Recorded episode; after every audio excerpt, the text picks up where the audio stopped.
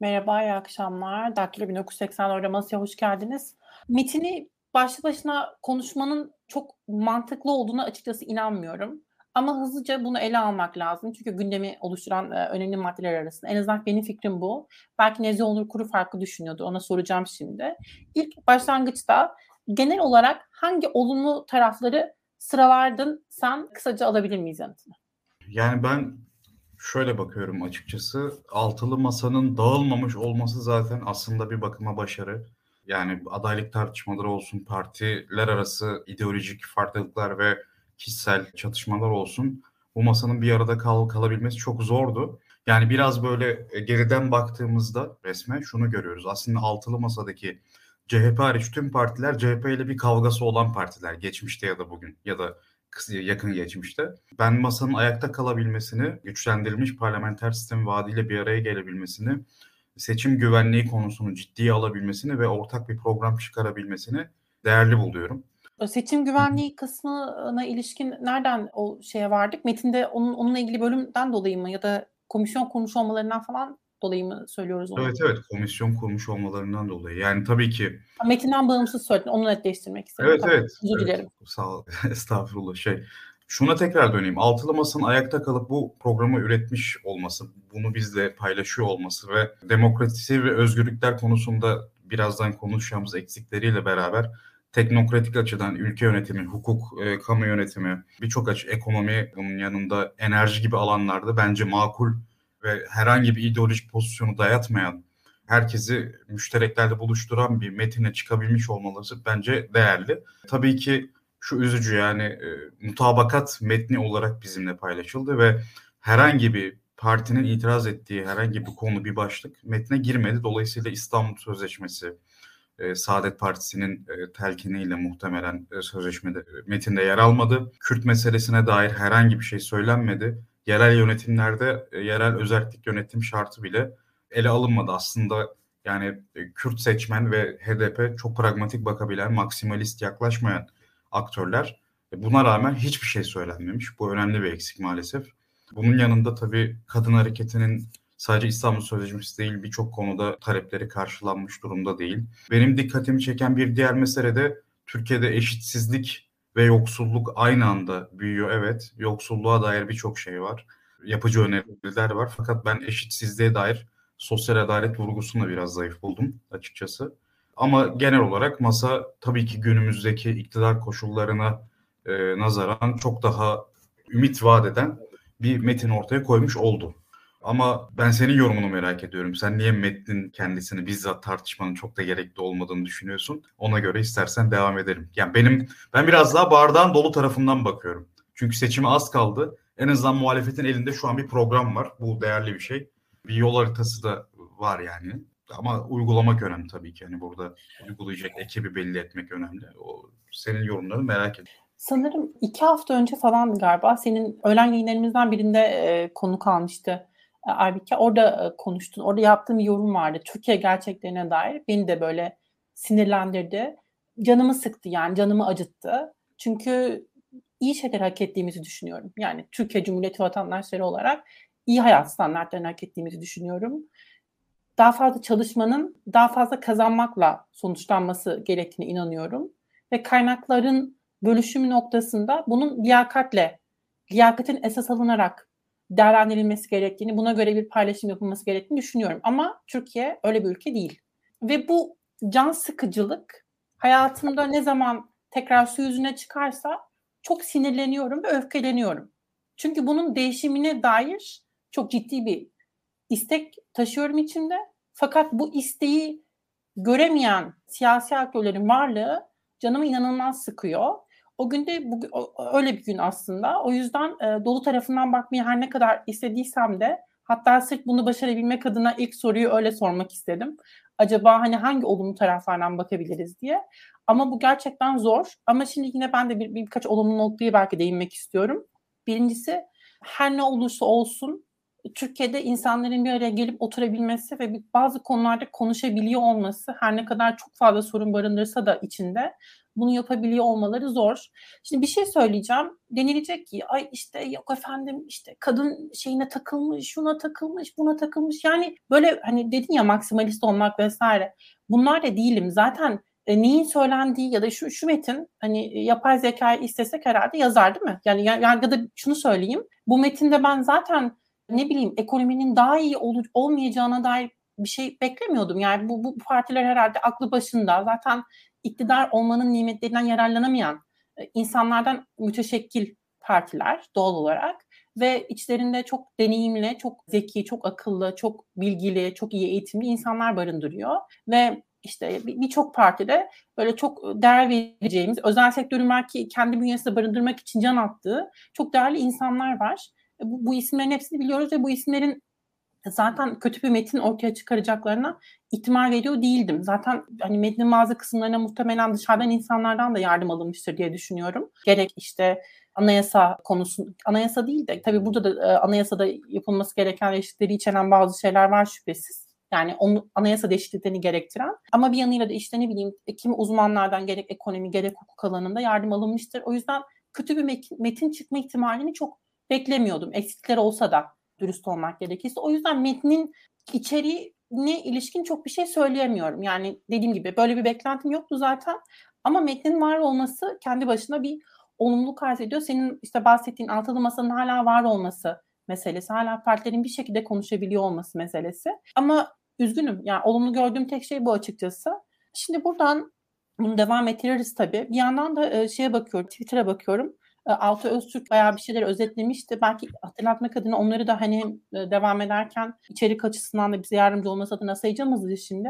Avrupa Birliği'ne tam üyelik vizyonu, Avrupa Birliği ile yapılan geri kabul anlaşmasının gözden geçirilmesi, geri dönüş süreci için tam yönetimiyle doğrudan temas işte bu Suriyeli mültecilerle ilgili olarak e, yükün kaldırılması meselesi, üniversitenin kendi rektörlerini seçmesi, seçim barajının düşürülmesi %3'e, varlık fonunun kaldırılması vesaire, mülk satışıyla vatandaşlık uygulamasına son. Burada ben şeyi hatırlamıyorum. Bilmiyorum sen hatırlıyor musun? Yabancılara vatandaşlığın yasaklanması ya da sınırlanmasına ilişkin bir şey var mıydı acaba? Hatırlıyor musun öyle bir şey? Ben de tam hatırlamıyorum. Çok çok detaylı incelemedim. Bir de çok yani tam hatırlamıyorum sayısını ama onlarca madde olduğu için. Evet, evet, evet, evet. Bu konuda bir duyarlılığa sahip olacaklarını tahmin ediyorum. Çünkü dünyada genel trend bu. Hani sosyal demokrat ve liberal hükümetler de işte Kanada örneğindeki gibi hani yabancılara yönelik sınırlandırmalarda bulunuyorlar. Muhtemelen Türkiye'de de bu şey bir konu, yani hot topik yani çok can yakan bir konuya dönüştüğü için herkesi yatayda kesen tüm parti seçmenlerinin hem fikir olduğu nadir konulardan bir tanesi olduğu için e, altılı masa bu konuda mevcut hükümetten daha sıkı davranacaktır diye tahmin ediyorum. E, bir de şu var, mevcut hükümet bunu İlkan iyi tespit ederdi.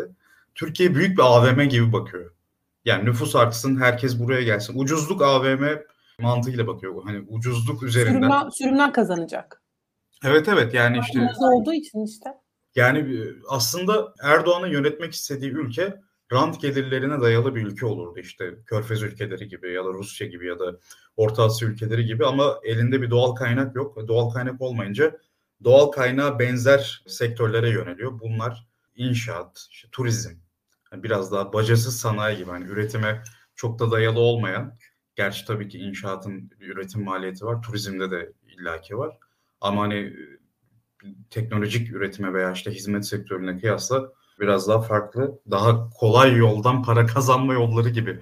Hani Türkiye'deki Türkiye'de böyle tüketici eğilimleri dünyada bazı konularda üstlerde çıkar ya mesela işte bu coin piyasasından para kazanma dürtüsü. Yani mesela Türkiye gelişmekte olan ülkelerle birlikte ilk sıralardadır. Bizim hükümetimiz de böyle. Hani büyük bir pazara çevirip burayı ama kalitesiz pazar. İş gücünü Bangladeş, Mısır seviyesine çekip turizmde de böyle eski sömürge Afrika ülkeleri gibi beyazlara hizmet eden siyahlar olarak bizi konumlandırıyor. Tabii ki burada yani ırkçı bir söylem değil. Burada statü meselesi var. Yabancılar birinci sınıf, vatandaşlar ikinci sınıf.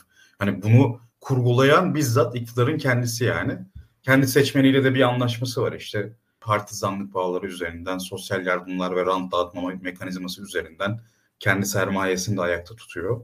Bir şekilde de bugünlere gelebiliyor hala. Yani normalde yüzde yüzlere varan enflasyon hükümet götürür çok rahat bir şekilde. Ama Türkiye'de partizanlığı kurumsallaştırdığı için AK Parti, tek kurumsallaştırdığı şey bu. Yani bir şekilde kendi saflarını sıklaştırabiliyor ve en az %40-45 oy oranıyla seçimlerde tutulabiliyor hala yani rekabetçi bir şekilde. Güran Bey'in yorumu var. Ee, İstanbul Sözleşmesi anlamında uluslararası anlaşmalar diyerek bunun yanında Lanzurete Sözleşmesi hatta Montreux Sözleşmesi güvence altına alınmış gibi geliyor ama Kürt LGBT eksik. Yani o öyle değil bence. O tabii ki Saadet Partisi'nin e, İstanbul Sözleşmesi adı geçmesin ısrarıyla alakalı yani. Onu hiç öyle olduğunu düşünmüyorum açıkçası. Neyse, neyse önemli değil yani. Ha, o da o da ayrı bir konu. Hani şimdi tamam olum, olumlularla ilgili söyleyecek bir şeyimiz kaldı mı bu arada? Ben sadece şeyi ekleyebilirim özür dilerim unutmadan. Yeşil dönüşümü, dijitalleşmeni en azından bahsinin açılmış olmasını değerli buluyorum. En azından bunlara kafa yoran insanların sesi birazcık çıkabilmiş ve şehirleşme anlamında da bunu şeyde okudum bugün. Oraya, oraya yayında okudum Habertürk'te. İşte Paris'te konuşulan bu 15 dakika içinde şehrin bir noktasından bir, bir noktasına varabilme e, meselesinin metinlere yer alıyor olması, hani semtine yeten, kentine yeten e, yerleşimlerin hedefleniyor olması meselesi. Oraya yayın yazmış. Ben de çok e, önemli buldum. Onu da söylemiş olayım. Hani metnin içeriği anlamında da en azından böyle yorumlar yapmış oluruz. Olumlu yorumun kaldı mı yoksa direkt olumsuz kısımlara geçelim. Eğitim artık. eğitim kısmında da ben e, olumlu gördüm. Mevcut 4 artı 4 artı 4 yerine daha farklı bir sistem öneriyorlar. E, burada bari uzlaşabilmişler çünkü masadaki İslami partiler bu konuda ayrışabiliyorlar ama benim anladığım kadarıyla CHP, İyi Parti muhtemelen de DEVA bu konuda ağırlığını koymuş. Yani İstanbul Sözleşmesi bir sembole dönüştüğü için artık herhalde o konuyu uluslararası sözleşmeler üzerinden Ümit Özdağ'ın de e, açıkladığı üzere çözmeye çalışacaklar ama dediğim gibi eğitim konusunda da ben hani yapısal dönüşümü amaçlayan bir vizyon gördüm açıkçası. Beni tatmin etti yani. Yani şöyle tabii beklentim çok çok yüksek değil Türkiye şartlarında ama yine de mevcut koşullara kıyasla epey ileride bir vizyona sahip bence Metin o konuda. Muharrem Bey yorumu var. Ümit Özdağ ile toplantının yıldızı oldu diye. Hiç öyle düşünmüyorum Muharrem Bey. Onu da açıklayacağım şimdi. Hatta notlarımı da almıştım bunu. Şimdi Ümit Özdağ ile işte toplantı esnasında bu uluslararası sözleşmelerin dön geri dönüleceği gibi bir işte metnin kapsamında bir değerlendirme yaparken pat diye şeyleri İstanbul Sözleşmesi yaşatır vesaire gibi bir ifade kullandı. Sonra da bunu e, basın mensuplarına verdi demişti açıkladı işte metinde yoktu ama benim işte gönlümden geçen buydu vesaire diye. Bu bir skandal. Yani bu çok yanlış bir şey bana sorarsanız. E, çünkü hem diyorsunuz ki biz e, askeri müştereklerle buluştuk, ortak bir metin hazırlamaya kalktık. İşte herkesin üzerine imza atabildiği, işte altına imzasını koyabildiği vesaire ve birlikte yönetmeye talibiz gibi bir imaj vermeye kalkıyorsunuz. Sonra diyorsunuz ki benim ağzımdan kaçtı çünkü metinde yoktu. E, metinde olmamasının sebebi Saadet Partisi'nin istememesi. Yani siz sürekli bu partinin mensupları, üyeleri, işte üst düzey isimleri bu pazarlıkları bu şekilde yapmak zorunda mı? Neden sürekli bir arada bir şeyleri ilerletemeyeceğiniz hissini vermek zorundasınız? Yani bunun en büyük kararsız seçmeni belki en çok etkileyecek mesele olduğunun farkında değil misiniz? Neden bir yönetim alternatifi koymamak için ısrarla uğraşıyorsunuz? Ümit Özdağ'la onu söylemese biz hepimiz bilmiyor muyuz İstanbul Sözleşmesi'ne geri dönülmek için her şeyin yapılacağını ve Saadet'in bir şekilde sindirilip belki bu sözleşme yine de dönüleceğini biz sanki bilmiyor muyuz? Yani Ümit Özdağ'la orada Ümit Özdağ'ın bir yayını da vardı. Deva'ya video istiyor, video ver istiyor bu Habertürk'teki yayını. Orada da çok komik yani. Mesela gazeteci diyor ki, moderatör diyor ki ya işte bu söylediğiniz şey manşet yerine vesaire. Ümit Özdağ diyor ki evet öyle daha bak ben size neler söyleyeceğim falan böyle güler yüzlü falan. Ne oluyor? Ne oluyor? Düşmanın mı o senin yani? Ne oluyor? Bu, bu nasıl bir siyaset yapma tarzı? Bunlar sürekli AKP'nin propaganda aygıtları aracılığıyla A Haber'de, orada burada, YouTube'da, şurada burada sürekli pompalanıyor. Ve farklı varyasyonlarıyla. Yani bunlar fikir ayrılıklarının ortaya konulması değil artık o geçti. Seçimin olması da kaç ay kaldı şunun şurasında? Şimdi mi bunun zamanı yani? Neyse. Sen neler söylersin şeyle ilgili? Bu olumsuz taraflar meselesiyle ilgili. Sence daha iddialı bir metin mi ortaya konulmalıydı? Her konuda uzlaşmaya mı varılmalıydı? Zamanlama nasıl? En az sadece bu metin üzerine soruyorum. Şeyi devam ettireceğim. Yani zamanlama konusu bence ya şöyle seçimden önce veya seçimden sonra gibi bir tercih var burada. Seçimden sonra da duyurulabilirdi ama demek ki burada hükümeti önceden tasarlama gibi bir tercihte bulundu altılı masa. Yani bu tercih uygun olarak bence tam seçim startı verilecek sırada bu programın duyurulması makul. Olumsuz olarak aslında yayına yayına başlangıçta en başta şundan bahsetmiştim. Kürtlerle alakalı herhangi bir şey söylemiyor. Hiçbir şey söylemiyor. Bu çok büyük bir eksik. Yani ben İyi Parti'nin Diyarbakır çıkışından sonra bu konuda altılı masanın biraz daha cesur olabileceğini tahmin ediyordum. Ama bu olmadı yani. Niye bilmiyorum açıkçası. Bir nedeni var mı yok mu? Ya da önceden hazırlanmış metinler tekrar bir gözden geçirilmedi mi emin değilim. Yani en azından Avrupa Birliği başlığı altında yerel yönetimler konusunda bir mesaj verilebilirdi diye düşünüyorum. Bunun haricinde dediğim gibi yani sosyal adalet konusunda biraz daha net vurgular sağlanabilirdi. Ben siyasal iletişim konusunda eksikler olduğunu düşünüyorum. Yani metin çok uzun, eleştirisi dahi altılı masayı savunanlar tarafından eleştiriyle karşılanıyor. Ama metin çok uzun yani ben ya vakit bulup okumam lazım. Birkaç gün sürer belki ya da bir, bir günün tamamını alabilir. Ya ben zaten hani siyaset bilimciyim, işte doktora adayıyım vesaire zaten benim okumam lazım. Ama sıradan demek istemiyorum da işi siyaset olmayan herhangi bir seçmen bunu niye okusun ki? Bu çok uzun. Mesela en baştaki giriş metni var. Yani yaklaşık 42 42. sayfaya kadar ki madde madde olan özetlenmiş bir kısım var. Bence başarılı bir özet. Belki o e, etkin bir şekilde ulaştırılabilirdi. Hani videolarla anlatılabilirdi. Bilmiyorum. Bunun birçok yolu var. Yani bu konuda uzman değilim. Ama şunu biliyorum yani bunun görselleştirilmesi o kadar da zor olmasa gerek. Infografik haline getirilmesi, interaktif bir site hazırlanması. Yani altılı masa bu konuda bence sınıfta kalıyor. Siyasal iletişim yani günümüzün artık en temel, en dinamik alanı yani seçmen davranışında. Hele ki sosyal medya çağında. Yani Türkiye'de yoksulluk var ama bir şekilde sosyal medya yani akıllı telefonlar bir ihtiyaca dönüşmüş durumda ve insanların %80'inden fazlası yaklaşık sosyal medyaya ulaşabiliyor. Dolayısıyla bu kanalı e, etkin bir şekilde kullanmamak, hele ki geleneksel medya, televizyon kanalları vesaire bunlar e, iktidarın tamamen tekelindeyken sosyal medya gibi bir alternatif yolu yeteri kadar değerlendirmemek bence altılı masanın eksiği. Yani metini de gölgeleyen bir şey. Bu kadar uzun metini kimse okumaz yani. Bu çok doğal. Yani Türkiye'de bu metini tamamen okuyacak ben 10 bin kişi olacak mıdır? Yani zannetmiyorum. Ya zaten bu normal değil yani okumaz insanlar. Kimse oturup mesela anayasayı okumamıştır. Bu öyle bir şey. Yani bunu anayasa hukukçuları okur. Ya bu metni de ne bileyim kamu yönetimiyle çok yakından ilgilenen mesela siyaset bilimciler de değil sadece. Hani siyaset bilimcilerin anayasa hukukuyla ilgilenenleri, kamu yönetimiyle ilgilenenleri okur bunu. Ben mesela seçmen davranışıyla, partilerle, gruplar arası ilişkilerle ilgileniyorum. Benim doğrudan alanım değil. Dolayısıyla ben mesela özeti okumakla yetinek, yetinecek düzeyde ilgiliyim aslında. Hani bunu göz ardı ediyorlar ve e, şu refleks e, itici oluyor gerçekten.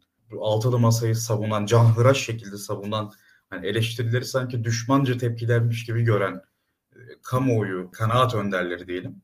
Sanki böyle okumak zorunlulukmuş gibi bunu lanse ediyorlar. Ben kesinlikle katılmıyorum buna. Altılı masa kesinlikle çok daha etkili bir şekilde seçmene bunu aktarabilir. Seçmenin zihninde kalıcı şekilde maddeler halinde, görsellerle bunu ulaştırabilir diye düşünüyorum. Bu bence büyük bir eksik. Lagalu'nun bir yorumu var. Bu da çok sık karşımıza çıkan yorumlardan bir tanesi aslında. Diyor ki Daktilo'nun her şey İmamoğlu'nu bu kadar destekleyip ara, ara bulmaya çalışan e, Kemal Kılıçdaroğlu'na bu kadar soğuk olması karizma sen nelere kadirmişsin. Nereden çıktı bu yorum sevgili Lagul'un? Yani neden böyle düşünüyorsunuz? Gerçekten anlamak istiyorum. Hani Kılıçdaroğlu, Kemal Kılıçdaroğlu'na soğuk olmak, İmamoğlu'na sıcak olmak duygular meselemiz, meselesi mi sizce? Sizce burada yayın yapan, konuşan, yorum yapan insanlar duygularla mı hareket ediyor? Yani Kemal, Kılıç, Kemal Kılıçdaroğlu'nun İmamoğlu'ndan daha az yakışıklı ya da karizmatik olması ya da daha az Karadeniz'de olması ya da bilmiyorum bunlar mı sizce? Ela gözlü olmaması birinin diğerinin ela gözlüyken. Bu, bu mu? Bu mu sizce? Bu mu yani burada yorum yapan insanların değerlendirmelerine esas olan şeyler. Hülya Hanım hatırlatıyor. Seçimin ertesi günü sözleşmeyi imzalayacağız demişti İyi Parti ve CHP diyor. Deva Partisi de söyledi. Davutoğlu'nun da bu konuda çekincesi yok. Onlar da destekliyor. Demokrat Parti'nin ne düşündüğünü bilmiyorum. Bilmeye gerek olduğunu düşünmüyorum açıkçası. O yüzden Saadet Partisi tabii ki sebep o. O yüzden geçmedi. Bu kadar net aslında. Ve bunu da herkes biliyor yani. Bu herkesin bildiği bir şey. Sır değil. Masanın en mütevazi partisi CHP şerh koymuyor. Değerlerinin şerhini dikkate alıyor. Arayı bulmaya çalışıyor. Her partinin bir şerhi var. Muharrem Bey söylüyor. Sosyal medya üzerinden kısa kısa tanıtım. Bu da önemli noktalardan bir tanesi. Şimdi ben iki anlatının yarıştığını düşünüyorum. Bu seçim kampanya yani uzun zamandır böyle ama bu bu e, seçim kampanyasında birazcık yine öyle olmaya devam edecek. Bir tarafta bir kutlu lider var, süprim lider böyle hani her şeyi mükemmel, her şeyi yapan bazı şeyler yolunda gitme, gitmediğinde bu sorunların farkında bunları çözmeye çalışan, bunları çözmek için her şeyi göze alan ve bu e, çözüm noktasında ilerlerken halkına desteğine ihtiyaç duyan bir ulu lider var. Ve bu ulu lider işte dış miraklarla uğraşıyor, yabancı güçlerle uğraşıyor. Bu yabancı güçlerden çok kötü ve onlar da Türkiye'den nefret ediyorlar. Ve Türklerden herkes nefret ediyor aslında. Ve bu ulu lider bütün bu nefret kalabalığının içinde sevgi dolu bir e, Türk İslam geleneğini aslında başka yerlere gerek yani hem yaymak istiyor hem e, bu e, Türk ve işte Müslüman olmanın gerektirdiği o iyi özellikleri kendi bünyesinde birleştiriyor ve işte partisi de zaten böyle bir parti ve bu parti o yüzden sizden destek istiyor. Yani anlatı bir bu. Buna zaten artık her gün tanığız ve bu anlatıyı destekleyecek şekilde bütün bu propaganda kanalları gerek sosyal medya gerek işte normal kitlesel medya bu işte televizyonlar, A Haber, şusu busu vesaire tüm bu anlatıya hizmet edecek şekilde kurgulanmış bir şekilde haber yapıyorlar, yayın yapıyorlar ve muhalefetin bununla ilgili elle tutulur, gözle görülür net bir planı yok. Sosyal medyanın ibaret değil, Twitter'dan ibaret değil çoğu şey ki Twitter'daki kampanyalar da zaten zayıf. Ve zaten aday yok. Ona da geleceğiz tekrar. Yabancı basın ikna olmuş değil. Benim göz attığım kadarıyla Alman basınına baktım. Ben Twitter'da paylaştım. E, ikna olmuş değiller. Yeterli bulmuyorlar adımları. Bir de e, Avrupa Birliği mesajları da çok sönük. Güçlendirmek istiyoruz. Üyelik evet tamam evet ama detaylar yok pek. Daha net, daha daha baskın olabilirdi.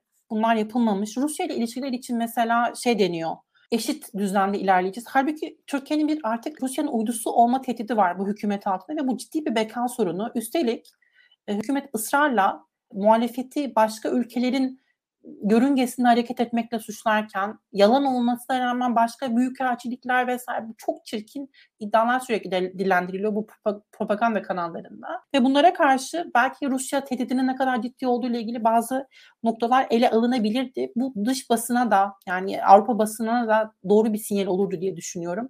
Muhalefetin nerede durduğunu göstermek anlamında. Çünkü seçimler biraz da bununla ilgili diye düşünüyorum açıkçası. Yabancıların e, yabancıların tırnak içinde yabancı ve güçlü olanların aslında sizinle ilgili algılarının ne olduğu da önem taşıyor. Son kerte de. Şimdi meselelerimize gelelim. Neyi konuşuyorduk aslında? Ortak aday meselesi. Şimdi ortak adayla ilgili tüm gerilim artık masada ve Şubat'ın e, kaçıydı? 14 mü 13 mü? E, sevgililer günden önce miydi sonra mıydı?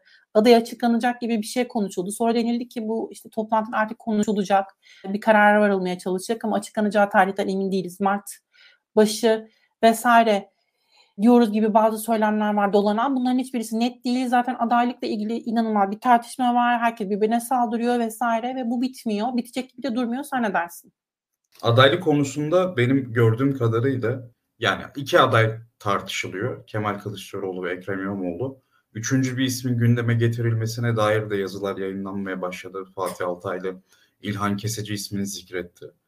Ee, ama gözlemlediğim şu aslında altılı masa Meral Akşener haricinde Ekrem İmamoğlu'nun YSK ile cebelleşme sürecini diyelim. O riski almak istemiyor. Yani ben objektif bakmaya çalışıyorum. Ben artık İmamoğlu'nun şansının çok düşük olduğunu düşünüyorum açıkçası. Yani İmamoğlu adaylığı çok zayıf bir ihtimal. Kemal Kılıçdaroğlu ismi baskın tabii burada. E, aynı zamanda İmamoğlu'nun genel başkan olması itibariyle de Kılıçdaroğlu'nun şansı daha yüksek.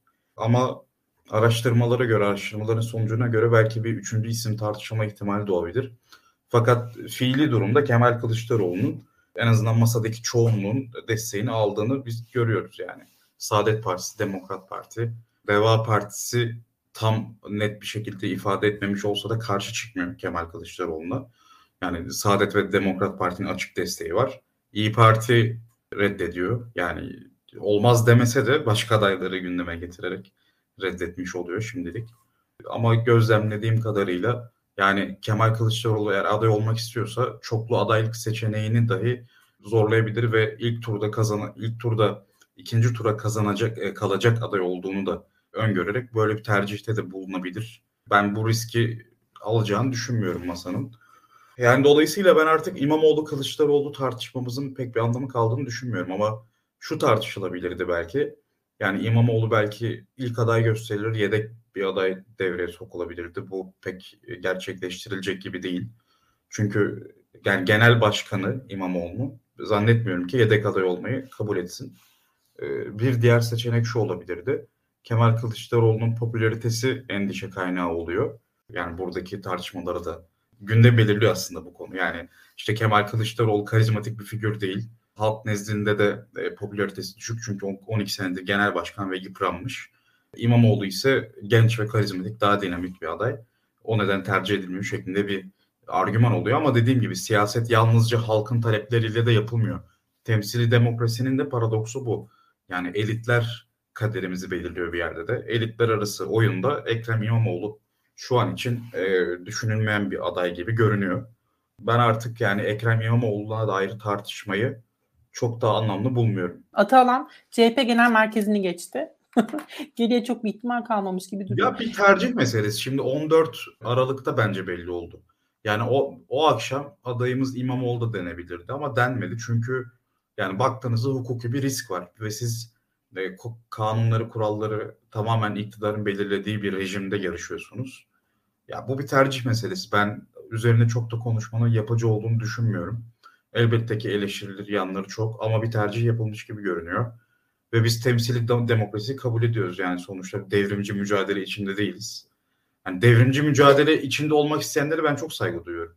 Sandığı tanımayan işte demokrasi, burjuva demokrasisi olarak gören, gerçekten hani komünist devrim ya da sosyalist devrim gerçekleştirmeye hedefleyen ya da başka türlü bir devrim gerçekleştirmeye hedefleyen insanlara ben saygı duyuyorum ama pek mümkün gözükmüyor. Baktığınızda kitleselleşebilecek birçok olay kitleselleşmiyor işte bu. İlk örnek zaten konuştuğumuz konu üzerine Saraçhane meselesi kitleselleşmedi kolayca. Kitleselleşmesine izin verilmedi ki. Yani aslında Yok ben, ben öyle düşünmüyorum. Ben öyle düşünmüyorum. Yani sahip çıkmadı mı? Yani şöyle vatandaş sahip çıkmadı. Yani şöyle sahip çıkmadı. Tabii ki vatandaş nezdinde İmamoğlu mağdur. Hani İmamoğlu'na yönelik destek de artmış gibi görünüyor. Bizim araştırmalarımızda da %60'ın üzerinde bir teveccühü var. Yani bu konuda haklı olduğuna dair. Fakat yani Saraçhane'nin önünde parti örgütleri olmadan kimse toplanamıyormuş. Onu gördük. Ya kimse dedim tabii ki burada oraya giden 30 gün boyunca nöbet tutan arkadaşlarımıza büyük bir teşekkür borçluyuz bu ayrı. Ama kitleselleşmedi yani konu. Sadece İmamoğlu değil yani birçok olay var işte 6 yaşındaki çocuğa yani detayına girmiyorum artık. Çok skandal bir olay. E, kimse dışarı çıkmıyor bunun için. Ama mesela İslami gruplar bugün mahkemenin önündeydi yani kalabalık olarak. Yani burada seçmenin yani vatandaşların da motivasyonu düşük. Hani Türkiye'de tamamen olay yani burada tabii ki elitlerin sürekli sandığı işaret etmesi bir rol oynayabilir iktidar korkusu bir rol oynayabilir ama vatandaşlar da dışarıya çıkmıyor yani. Türkiye böyle bir ülke. Yani bu 80 darbesinin bize mirası evet. Biz bu anlatıya çok sığınıyoruz. E ama Gezi de yaşanmıştı bu topraklarda. Yani ya şeyi çok rahat anlıyorum. Sonuçta 15 Temmuz'dan sonra inşa edilen OHAL rejimi fiilen devam ediyor ve insanlar korkuyor. Çünkü kolay bir şekilde terörist ilan edilebiliyorsunuz. Nezarete düşüyorsunuz. Ya bir de şu var mesela bazı semboller vardır. Sembol niteliğinde kurumlar da vardır Türkiye'de. Bunlara dokunulmaz aslında. Yani mesela Boğaziçi Üniversitesi bunlardan bir tanesiydi. Tüm üniversiteler bir şekilde aslında kayyum zihniyetiyle yönetilirken Boğaziçi'nin kayyumu aslında ilk kayyum Melih Bolu değildi yani. Ondan önceki rektör Mehmet Özkan da aslında kayyumdu ama Boğaziçi'nin içinden bir kayyumdu ve oradaki hocalarla daha uyumlu şekilde yönetiyordu. Yine bir istisnaydı Boğaziçi bir bakıma. Yani bu istisna bile kaldırıldı. Yani Türkiye'nin işte en değerli kurumlarından bir tanesine bile çok rahat yani norm dışı uygulamalarda bulunuldu. Yani hem polisi şiddet, yani polisin şiddeti, vatandaş, öğrencilere vatandaşlara şiddet, nezaret, tutuklama vesaire bunlar. Yani gözaltı tutuklama ve sonrasında da yani baktığınızda hukuk fakültesi açıldı, dekanlar hem bölüm başkanı ya tam detaylı hatırlamıyorum da birçok idari makama kendilerini atayabilecek rahatlıkta davranlar herhangi, herhangi bir taşra üniversitesiymiş gibi yani taşra üniversitesinde de bu yapılmaz da artık yani Türkiye'nin normu olduğu için o. Yani Boğaz içinde bile bunu yapabilen bir iktidar varken insanların dışarı çıkması kolay değil ama çıkmıyorlar. Yani sonuç olarak insanlar dışarı çıkmazken bizim irademizin elitlere kalması da çok doğal bir şey. Ben artık hani elitleri tartışmaktan, elitlere e, tepki göstermekten de yorulmuş vaziyetteyim. Bir faydası da yok. Bir ay içinde zaten belli olacak. Açıkçası hani konfor alanlarından dışarı çıkan vatandaş kitle yok. Aktörle başka aktörler yok. Yani Türkiye'deki siyasetçi sayısı yalnızca 6 ile sınırlı değil. Altılı masanın dışındaki siyasetçiler de pek bir irade göstermiyor gibi görünüyorlar. Mesela bu konuda tepki göstermenin kişisel mental sağlığı sağlığımıza zararlı olduğunu düşünüyorum. Çünkü gerçekten somut olarak bir faydası yok. Biz aslında temsili demokrasi yani Türkiye'deki demokrasi değil de artık temsili yönetim biçimi, rekabetçi otoriterlik. Ya bir bakıma aslında tiyatro günün sonunda. Sonuçta başka elitlerin sergilediği bir oyunu izliyoruz. Hani oy kullandıktan sonra hele ki hani sivil haklarınızı pek kullanmıyorsunuz ki Türkiye toplumu kullanmıyor. İnsanlar işte sahnede siyasiler bir şeyler sergiliyor. Biz de izliyoruz. Göreceğiz yani. Yani ne kadar beğenilip beğenilmediğini de yine sandıkta göreceğiz. Ya ben artık adaylık tartışmasının çok makul bir tartışma olduğunu düşünmüyorum. Yani bunu siyasetçiler yapacak. Diyelim ki altılı masanın dışındaki bir siyasetçi aday olmak istiyor veya başka birinin aday olmasını istiyor, istemiyor. Buna göre hamle yapacak. Biz de izleyeceğiz. Hani biz kamusal alanda konuşan insanlar olarak yani tercih neyin makul olduğunu, neyin olmadığını, kimin kazanıp kimin kazanamayacağını konuşabiliriz, söyleyebiliriz. Ama bu elitlerin eline kalmış bir süreç. Dolayısıyla ben artık ya pes pes ediyorum artık tartışmaktan. Çünkü hiçbir anlamı yok. Ya ben size de pes etmeyi öneriyorum. Yani açıkçası bilmiyorum burada şimdi karşıt görüşlere geçmiş olduk. Hayır hayır ya ben ben benim e, ben adaylık üzerinden tartışmada pes ederim. Onda sıkıntı yok. Benim için çok ben çok büyük bir mesele olarak görmüyorum bunu. Ben belirliliğin ve bir programla çıkabilmenin ve birlik olabilmenin çok önemli olduğunu, bu görüntüyü vermenin çok önemli olduğunu ve popüler figürlerin bir şekilde ortak adayla işbirliği yaparak bir kampanya yürütülürse başarılı olabileceğine inanıyorum. O yüzden e, Kılıçdaroğlu ismine e, eskisi kadar şey değilim, çekinceli değilim. Ama benim burada sıkıntılarım daha başka aslında. Bunun yapılabileceğine çok inanmadığım için başından beri sıkıntılı buluyorum. İmamoğlu meselesiyle ilgili bu İmamoğlu'na ilişkin işte bu Saraçhane vesaire noktasında orada bu, to- bu toplanmalar gerçekleşmedi. Çünkü bunlar örgütlenmedi. Bunlar bir şekilde e, promote edilmedi aslına bakarsan dışarı çıkmaya, bunu protesto etmeye hazır çok fazla insan olduğunu düşünüyorum. Ama bu yapılmadı, yapılmak istenmedi. Bu heyecan bir şekilde soğuruldu, üzerine gidilmedi. Aksi halde bence bunun ciddi bir karşılığı vardı ama muhalefette uzun zamandır bir, bir söylem var onların da yürüttüğü. Seçim zamanı biz dersini vereceğiz tırnak içinde böyle söylüyorlar. İşte bu zaten e, Cumhurbaşkanı adayı olurdu olamazdı Erdoğan meselesine de yine aynı e, ifadeyi sürekli kullanıyorlar. Bu da zaten demokrasiyi en çok zehirleyen şeylerden bir tanesi. Çünkü demokrasiler sandıklardan ibaret değiller. Protestonun bir sürü farklı biçimi var. Bunların hepsinden vazgeçildi. İşte adalet yürüyüşü gerçekleştiğinde bu yüzden önemliydi. Gezi Parkı bu yüzden önemliydi. Baktığınızda Gezi Parkı'nın yerinde bir hala Gezi, Gezi Parkı var. Başka bir şey yok. Ve bu böyle kalmaya devam edecek bir süre daha. Ne olacağını bilmiyorum. Bu seçimlerden sonra eğer Erdoğan kazanırsa farklı bir şey olabilir. Çok muhtemel hatta olması. Ama şu an hala orası Gezi Parkı ise bunun bir sebebi var ve bu, bu yüzden değerli. Bunu bize muhalefet yaptı. E, bunu açıklıkla söylemek lazım. Ben onları suçluyorum bu konuda da.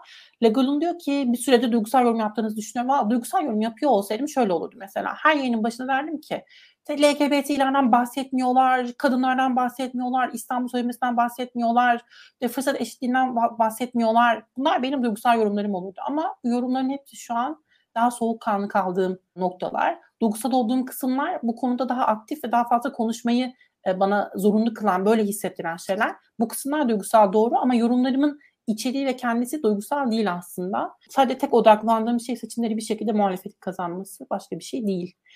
E, Legolun diyor ki yine İmamoğlu bu memleketin iyiliğini istiyorsa varıyla yoğula Kılıçdaroğlu'nun kampanyasına destek olacak. Bir, bir e, senaryoyu sana sormak istiyorum aslında. Senin fikrini çok merak ediyorum onunla ilgili. Şimdi Kılıçdaroğlu'nun adaylarının çok muhtemel olduğunu konuşuyoruz. Ee, burada başka işte senaryolar olarak da şey işte bu en güçlü senaryo şu gündeme geliyor. Güçlendirilmiş bir Cumhurbaşkanı yardımcılığı tek kişi olacak, Akşener olacak. Böyle bir e, kampanya yürütmeye başlayacaklar. Yanına da işte İmamoğlu ve Yavaş'ın, Mansur Yavaş'ın çeşitli yerlerde yaptığı mitingler, destekleri, açıklamaları vesaire bunlarla güçlendirilmiş bir kampanya. Sence gerçekçi mi böyle bir kampanya yürütülebilir ve bu, bu kampanya yürütülürse sence seçimler kazanılabilir mi? Ne söylersin? Zor bir soru. Yani burada güçlü kampanya ile seçimin kazanılabileceği argümanında şunu eş zamanlı olarak Tayyip Erdoğan'ın da bir kampanya yöneteceğini düşünmek gerekiyor.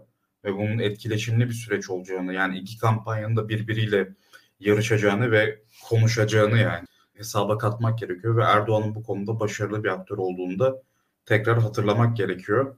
Yani ben kampanyalara fazlasıyla değer atfedildiğini düşünüyorum. Ben daha çok yapısal faktörlerin seçim sonuçları üzerine daha belirleyici olduğunu düşünüyorum. Şöyle kabaca. Türkiye gibi dünyanın en partizan, en kutuplaşmış ilk beş ülkesinden biri olan bir ülkede zaten 100 seçmenin 10-15'i oy kullanmıyor. Bunları kenara koyuyorum. Kalan 85'in 70'inin oyu belli. Kalan bunun haricinde işte kalan ne oluyor? 70-15 kalan da 15 puan. Yani 15 puanlık seçmen gri bölgede o seçmen de aslında sol sağa göre ayrılıyor. Yani kendini sağda gören sol taraftakine yani biz üçe ayırıyoruz politik haritayı. Sol, orta ve sağ diye. Sağdaki en soldakine vermiyor, soldaki en sağdakine vermiyor. Ya bunları da elimine ettiğimizde aslında geriye kalan belki 5-10 puanlık bir gri seçmen oluyor. Bunun için mücadele ediliyor. Aslında birçok ülkede de böyle olmaya başladı süreç ve demografik avantaj kimdeyse ve ekonomik performans da yani ülkedeki ekonomik atmosfer de e, şartlar da hangi tarafa yarıyorsa o taraf kazanıyor. Şimdi demografik şartlar şu an için muhalefet için e, muhalefet adına daha avantajlı. Çünkü Türkiye'deki azınlık yani etnik Türk olmayan nüfus artıyor yani Kürtlerin oranı artıyor, Arapların oranı artıyor. Arap derken de Suriyeli Araplardan bahsetmiyorum. Etnik Türk olmayan nüfus artıyor kabaca. Yani tabii ki büyük çoğunluğu Kürtler ve Kürtlerin büyük çoğunluğu da e, muhalif olmaya başladığı için çözüm sürecinden sonra bu muhalefetin lehine yani yaklaşık 6 milyona yakın genç seçmende muhalefetin görece avantajı var ama bu inanılmaz büyük bir e, fırsat sağlamıyor. Çünkü muhalefet e, şöyle aslında Türkiye çok partizan olduğu için partizan davranış da aileden etkilendiği için birçok ailede aslında AK Partililik yeni nesile tevarüs ediyor. Yani AK Partililerin çocukları artık muhalefet oluyor gibi bir gazeteci gözlemi var ya. Yani bu gazetecilik mesleğine uygun bir gözlem. Çünkü gazeteciler ilginç olanı seçer, onu anlatır. Ama bu akademik bir çıkarım değildi. Buradan genellemeye varılamaz.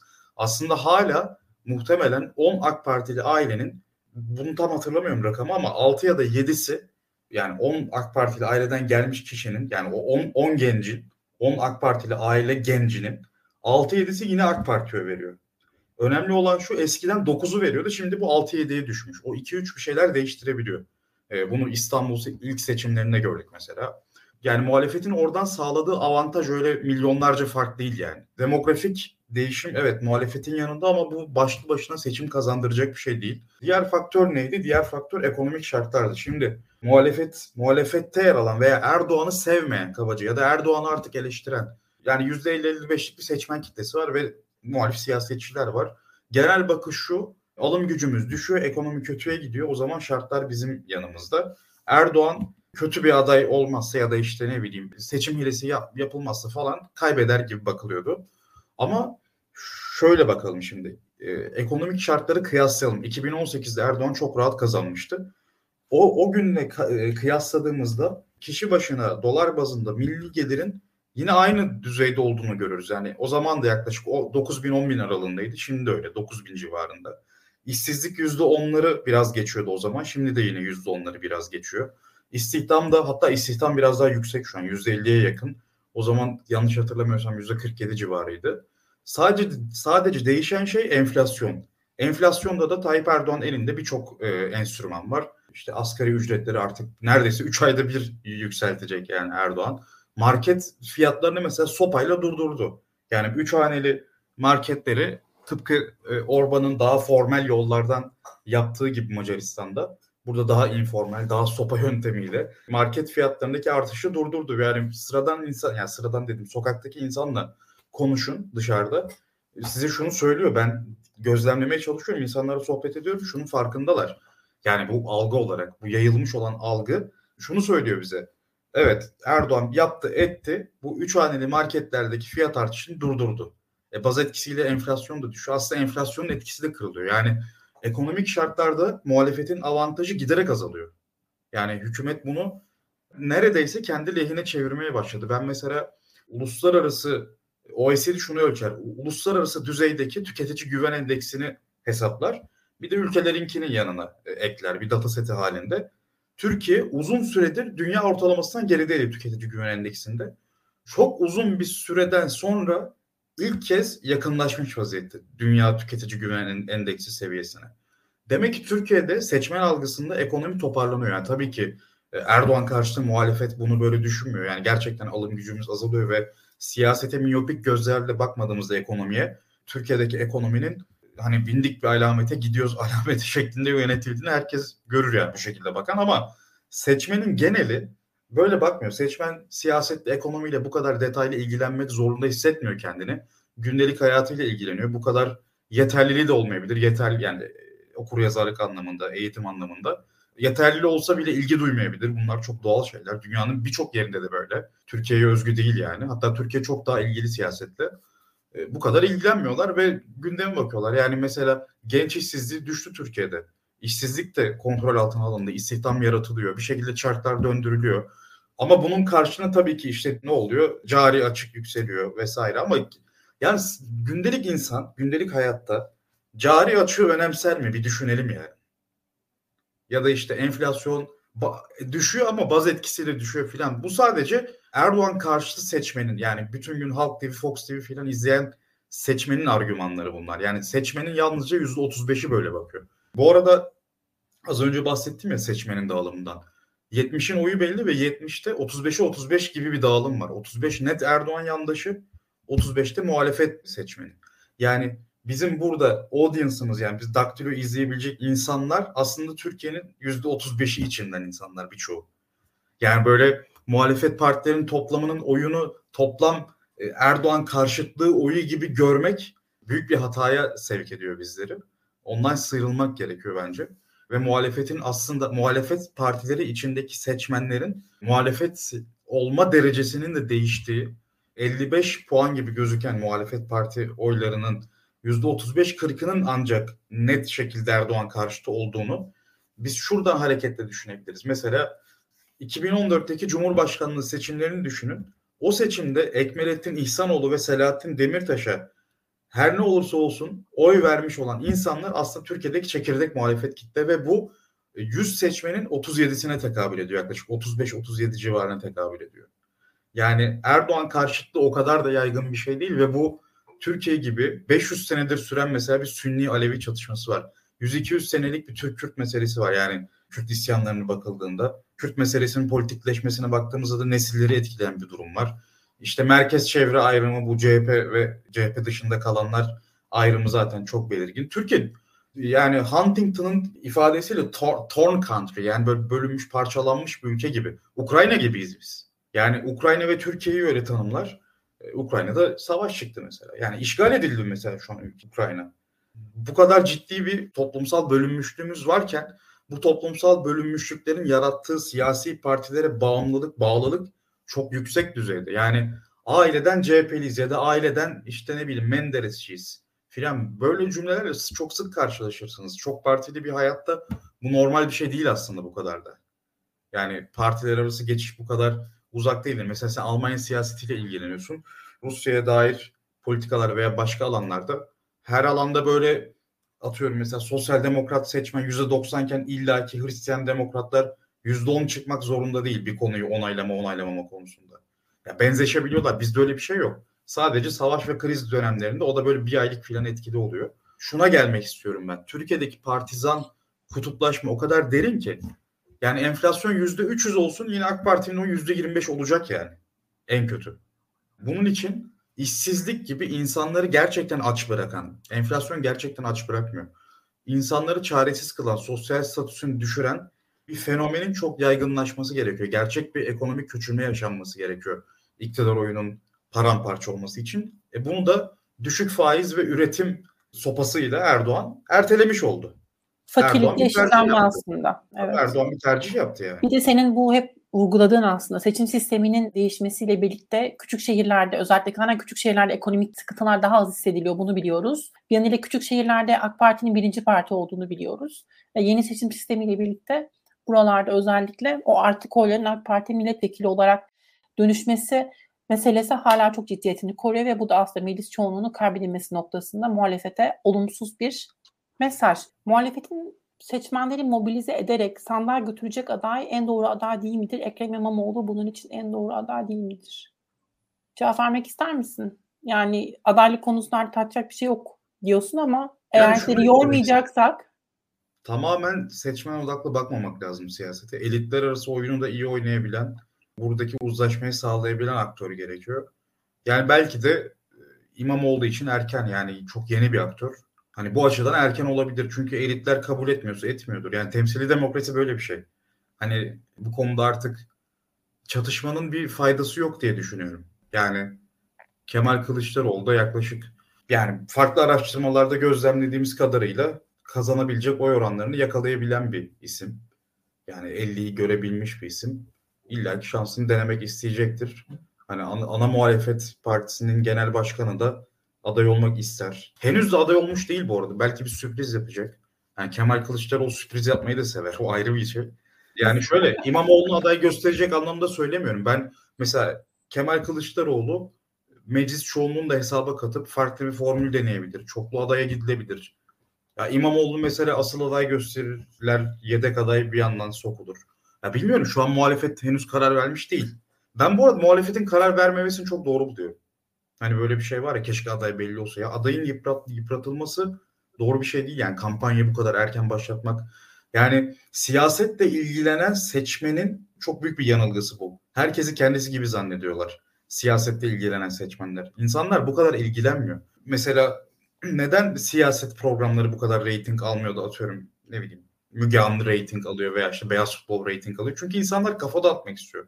Çok da Türkiye böyle nasıl diyeyim eğlencenin çeşitlenebileceği düzeyde bir refah e, seviyesine erişmiş değil işte. İnsanlar magazinle ne bileyim futbolla vesaire kafa dağıtıyor. Siyasette sürekli bir çatışma alanı. Zaten insanların e, Türkiye çok büyük bir göç ülkesi yani iç göç olarak da dış göç olarak da hani nesiller arası çatışmanın, kent kır çatışmasının, kültürel sıkışmışlıkların, sosyoekonomik eşitsizliklerin insanları böyle çok değersiz hissettirdiği, sürekli günlük hayatlarının çatışmayla ve ezilmeyle geçtiği bir ülkede rahatlamak istiyor insanlar. Bir de bunun üzerine siyasetle mi ilgilenecekler? Bunu istemiyorlar. Böyle bir seçmen grubu varken Türkiye'de adayı erkenden açıklayıp havasını kaçırmanın bir alemi yok. Yani dünyada da birçok ülkede böyle. Ben... Peki senin söylediğin şey adayın hiç tanınmadığı durumlarda mı geçerli yoksa aday tanınıyor olsa bile adayla ilan edilmemişken yıpratılması o kadar büyük mesele değil mi? Ya şöyle şimdi iktidar medyası çok güçlü. İktidar medyası çok güçlüyken tamamen bir kişiye yüklenilecek aday ilan edilirse. Şu an en azından biraz algı dağıl yani bir, bir, birkaç kişiye yükleniliyor aynı anda. Yani net bir hedef yok ve iktidar aslında ya bir bakıma iktidar tarafı kıvranıyor aday belli olsun diye. Bence doğru bir strateji adayın belirlenmemiş olması. Ama şu var adaylık tartışmasının önüne geçilebilecek mekanizmalar üretilebilirdi ya da ona uygun bir söylem geliştirilebilirdi. Fakat bu konuda yapılamadı. Yani hani artık yapacak da bir şey yok. Olan oldu yani. Yaşayıp göreceğiz bence. Hüsnü Hüsnü Bey'in e, güzel bir yorumu var. Kafa dağıtma nedeniyle resmen apolitik olan Mansur evet, Yavaş'ın öyle çıkması. Ben de ben çok de doğru. evet evet çok doğru. Mansur Yavaş Mansur Yavaş'ın beynin sebebi tamamen kavgadan uzak durması. Pandemi döneminde ortaya çıkan o baba figürü ihtiyacını çok iyi karşılaması. E bir de Türkiye çok ilerici progresif değerlere sahip değil. Mesela İmamoğlu bence biraz daha progresif kalıyor. Yani bu Karadenizli müteahhit falan algısından çıkıp bakarsanız İBB'yi aslında bayağı bir sosyal demokrat olarak yönetiyor. İşte eşinin profili belli, söylemleri belli. Yani Kürt sorun mesela HDP'li belediyelere kayyum ziyaretine giden o yani baktığımızda. Ya birçok aslında siyasetçiye göre daha ilerici kalıyor ve genç kalıyor İmamoğlu. Pandemide daha böyle insanlar konfor alanında onları huzurlu, mutlu hissettirecek bir adaya yöneldiler. E, Mansur Yavaş da çok iyi değerlendirdi o dönemi sosyal yardımlarla ve onu sürdürdü. Haluk Levent'i sevmekle aynı şey aslında. Yani böyle herkese yardım eden, işte kavga etmeyen, birleştiren. Zaten bizim de ihtiyacımız var. Biz çok yorulduk kavgadan filan de. Yani o genel seçmeni bir şekilde etrafında tutuyor ki AK Parti seçmenlerinde de antipatisi yok yani. Tayyip Erdoğan'a oy verecek birçok kişi de Mansur Yavaş'ı seviyor aslında. Ya da, Bu da çok en önemli. azından sevmiyor. Hı? Bu da çok önemli. Yani bu insanlar mesela Tayyip Erdoğan'a sempati duyuyor ama Mansur Yavaş'ın adaylığını görüp şey de diyebilir. Ya ben oy kullanmasam mı acaba? Hani bu sefer de farklı birini denemiş olalım. Gidip yani. Mansur Yavaş'ın oy kullanmasa bile sandığa gitmekten çekinebilecek, e, sandığa gitmekten intihar edecek insanlar olabilir belki. O da çok önemli gerçekten. Kapatmadan Melek Mızrak Subaşı. Bununla ilgili çok konuşuldu sosyal medyada. Dürüst olacağım. Yani dürüst olacağım ve kendime buradan paya biçmek istiyorum. Ben ilk gördüğümde ne zamandı? Bir iki ay önce falandı galiba yine bir İmamoğlu e, buluşmasında mı öyle bir şey olsa gerek. Saraçhane zamanı evet hatırlıyorum tamam. Orada gördüğümde bir sürü erkek masada tek kadın. Böyle şeylere çok dikkat ediyorum. Baktım kim kim bu kadın diye. Güzel estetik olarak da güçlü fiziken böyle sağlam duruyor. Dik duruyor kadın ya. O kadının spor yaptığı falan da belli. At fotoğrafları falan da çıktı atın üzerinde.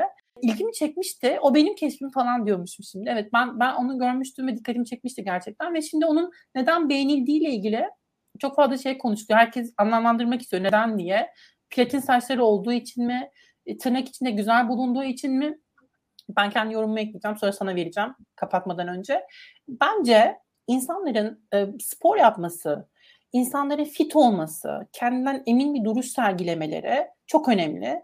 E, ben e, Melek Mızrak Subaşı'da bunu çok gördüm, çok hissettim ve kesinlikle bununla ilişkili olduğunu düşünüyorum. Hani insanların vurguladığı gibi sarışın olması vesaire buna katılmıyorum açıkçası. Esmer olsaydı da fark etmezdi. O güçlü bir kadın ve güçlü bir kadın siyasette Bilecik gibi küçük bir yerde çıkabiliyor ve bu, bu bunu bir şekilde başarmış. Artık hangi e, denklemler üzerinden başarıldığını çok iyi bilmiyoruz. Çünkü biraz baktım işte CHP'de e, belediye zaten bir önceki yolsuzluk yazıyor, bir başkası bir şeyler yine yolsuzlukla ilişkili bir şeyler. Onları çok karıştırmak da istemiyorum CHP'nin şeyini kaçırmamak için. Ama şaka bir yana sebebin gerçekten güçlü güçlü bir profil olması ve kadın olması ile ilişkili olduğunu düşünüyorum açıkçası ben. Bir de çok çirkin bir yorum vardı. Yok işte kocası zenginmiş de kocası zengin olduğu için belediye meclisine girmiş de falan filan. İşte bu şeyi gösteriyor. Yani güçlü kadınlara tahammülün olamadığını görüyoruz. Yani bu bununla ilişkili ve çok ayıp bir şey, çok çirkin bir şey ve yanlış bir şey. Benden bu kadar. Şöyle ben birkaç neden olduğunu düşünüyorum. Yeni nesiller için bence Elf'e benziyor. Yani ve Game of Thrones karakteri gibi e, çok ilginç bir figürdü. Yani sanki şey 200 bin beğeni aldı. çıkma gibi. Bir yandan da şeye benziyor. Claire Underwood'a benziyor işte House of Cards'taki. Birçok aktöre birden benziyor. Aktrise birden benziyor yani. Yeni nesilde o bir heyecan yarat. Yani güzel bir yani gülünecek, geçilecek bir geyik. Tabii ki insanlar Bilecik'teki belediye başkan vekiline Cumhurbaşkanı adayı olmayacağını biliyor. Hani buradan bir ahlaki mesaj da veriliyor ya işte siz hemen sarışın gördün mü ya da işte böyle Avrupa'yı birini gö- görünce işte onu yeterli zannediyorsunuz dış şekilcisiniz vesaire filan. Böyle e, hani karar serbestiyette falan yayınlanabilecek düzeyde tweetler gördük de. Ya bence bir e- e- eğlenme biçimi. İnsanlar sıkılıyor zaten. Siyasette böyle bir malzeme çıkınca ortaya. Bu kullanıldı ama şu da var tabii ki. Daha üst yaş gruplarında şunu gözlemliyoruz bence makbul vatandaşlık inşasındaki batılılık, Avrupailik kendini göstermiş oluyor. Gerçek bir Avrupa'yı figür. Zaten Bulgaristan doğumlu benim bildiğim kadarıyla. O genlere sahip birini gördüğümüzde biraz öykünüyoruz yani. Hani önceki kuşaklar daha çok aslında biz öyle değiliz bence de.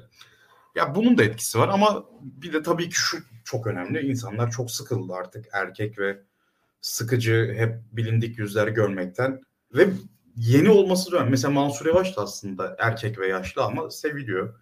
Ya da Ekrem İmamoğlu da erkek ama seviliyor. Yani onlar yeni yüzler çünkü hani siyaset değiştirebilecek aktörler olarak bakılıyor. O yeni yüz talebi de var ortada.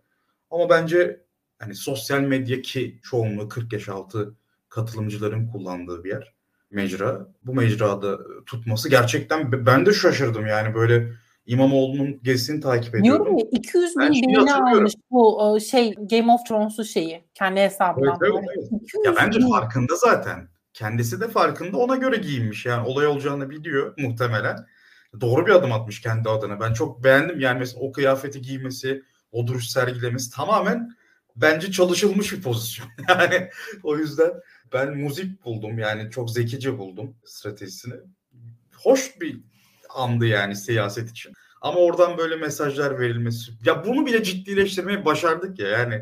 Ya çok sıkıcıyız gerçekten. Ben çok yoruldum artık. Olsa da bitse. Ya bitse de gitsek artık yani seçim. Bitse de nereye gideceğiz işte o da var. Kapatıyorum artık. Akşener de güçlü demiş Legal'ın. Doğru. Hatta şöyle bir şey söyleyeyim. Biz Akşener'in saç boyasını aylarca konuştuk. Yani bakımı olmak siyasette önemli. Her alanda olduğu gibi. Çünkü farkını anlıyorsunuz bunun. Yani saçınızın boyası, saçınızın rengi, giydiğiniz kıyafet, karizmanız bu önemli bir şey. E, kendi çevrenizden de düşünün. Böyle insanlara daha fazla saygı duyuyoruz. Bu güzellik, renkli göz, sarı saç bununla ilişkili değil sadece. Daha fazlası bana sorarsanız. Ben biraz öyle gördüm, öyle hissettim. Diyelim kapatalım. Çok teşekkürler herkese ve sana özellikle. E, değerli yorumların için. Geç kaldığımız Herkes tekrar... sana pırıl demeye başladı ya. evet aynen. Herkes ona pırıl demeye başladı. Pırıl tabii ki bu arada bir yorum vardı. Pırıl tabii ki koşa koşa oy verecek Kılıçdaroğlu'na. Kim olursa olsun verecek. Ben mesele değilim zaten. E, bunu anlatamıyoruz bir türlü. E, benim ben tabii ki oy vereceğim. Niye oy vermeyeyim? Ben şeyi bekliyorum ya. Yani şeyi aldırmamıştım hala. İkametimi aldırmadım Köln'e. En azından buradaki işlemleri yaptım tabii ki ama Elçiliğin haberi yok henüz burada yaşadığımdan. Hatta geç kaldığım için 15 euro para da ödeyeceğim. Bilmiyorum İyi Parti'ye başvurup belki onu tahsil edebilirim. Ya da bilmiyorum belki beni Türkiye'de getirebilirler. Hani e, yol masraflarını karşılayacaklarmış çünkü gençlerin. Sana tekrar çok teşekkürler. Rejiye teşekkürler. Herkese iyi akşamlar. Görüşmek üzere. İyi akşamlar.